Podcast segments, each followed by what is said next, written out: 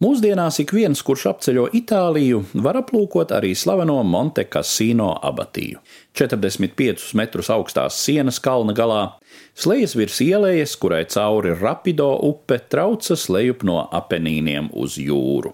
Šeit to šķērso dzelzceļš un šoseja, galvenā transporta maģistrāle, kas Romu savieno ar valsts dienvidiem. Kalna virsotne bijusi apdzīvota jau kopš Sirmas senatnes. Romiešu laikā te uzcelts Apollona templis, savukārt mūsu ēras 6. gadsimtā svētais Nursijas Benedikts, pirmo kristīgo mūku kopienu dibinātājs, izvēlējās šo vietu savam pirmajam klosterim.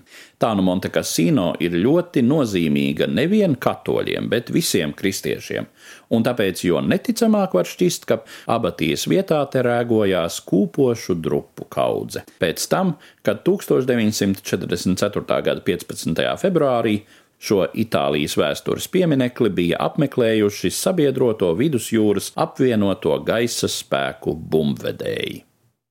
Kad 1943. gada jūlijā sabiedroto spēki uzsāka Itālijas kampaņu, viņi optimistiski cerēja līdz oktobrim būt Romā. Taču jo tālāk uz ziemeļiem, jo sīkstāka kļuva vācu pretestība.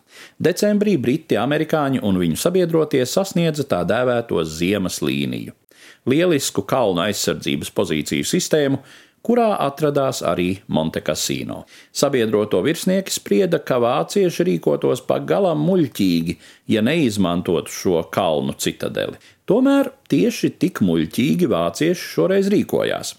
Vācu spēku virspavēlnieks vidusjūras reģionā Feldmaršals Keselrings, lai novērstu pieminekļa izpostīšanu, bija pavēlējis vāciešiem abatijā neizvietoties.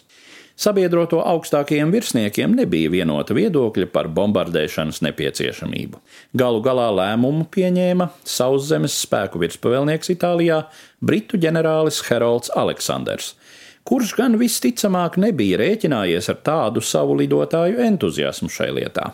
Tā vien šķiet, ka bumbvedēju aviācija te saskatīja izdevību demonstrēt savu vārda tiešā nozīmē graujošo jaudu.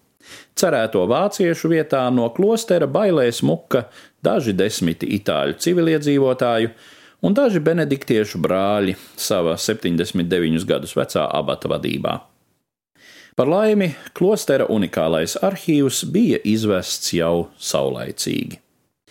Vatikāna valsts sekretārs kardināls Maljone sarunā ar Savienoto valstu pārstāvi nosauca Montekasino sagraušanu par kolosālu kļūdu un vislielāko muļķību, un to ir grūti apstrīdēt. Arī no militāra taktiskā viedokļa. Pēc abatīs sagraušanas drupas patiešām ieņēma vācu pirmās izpletņlēcēju divīzijas desantnieki un pārvērta tās grūti ieņemamā aizsardzības pozīcijā. Stāstīja Eduards Liniņš.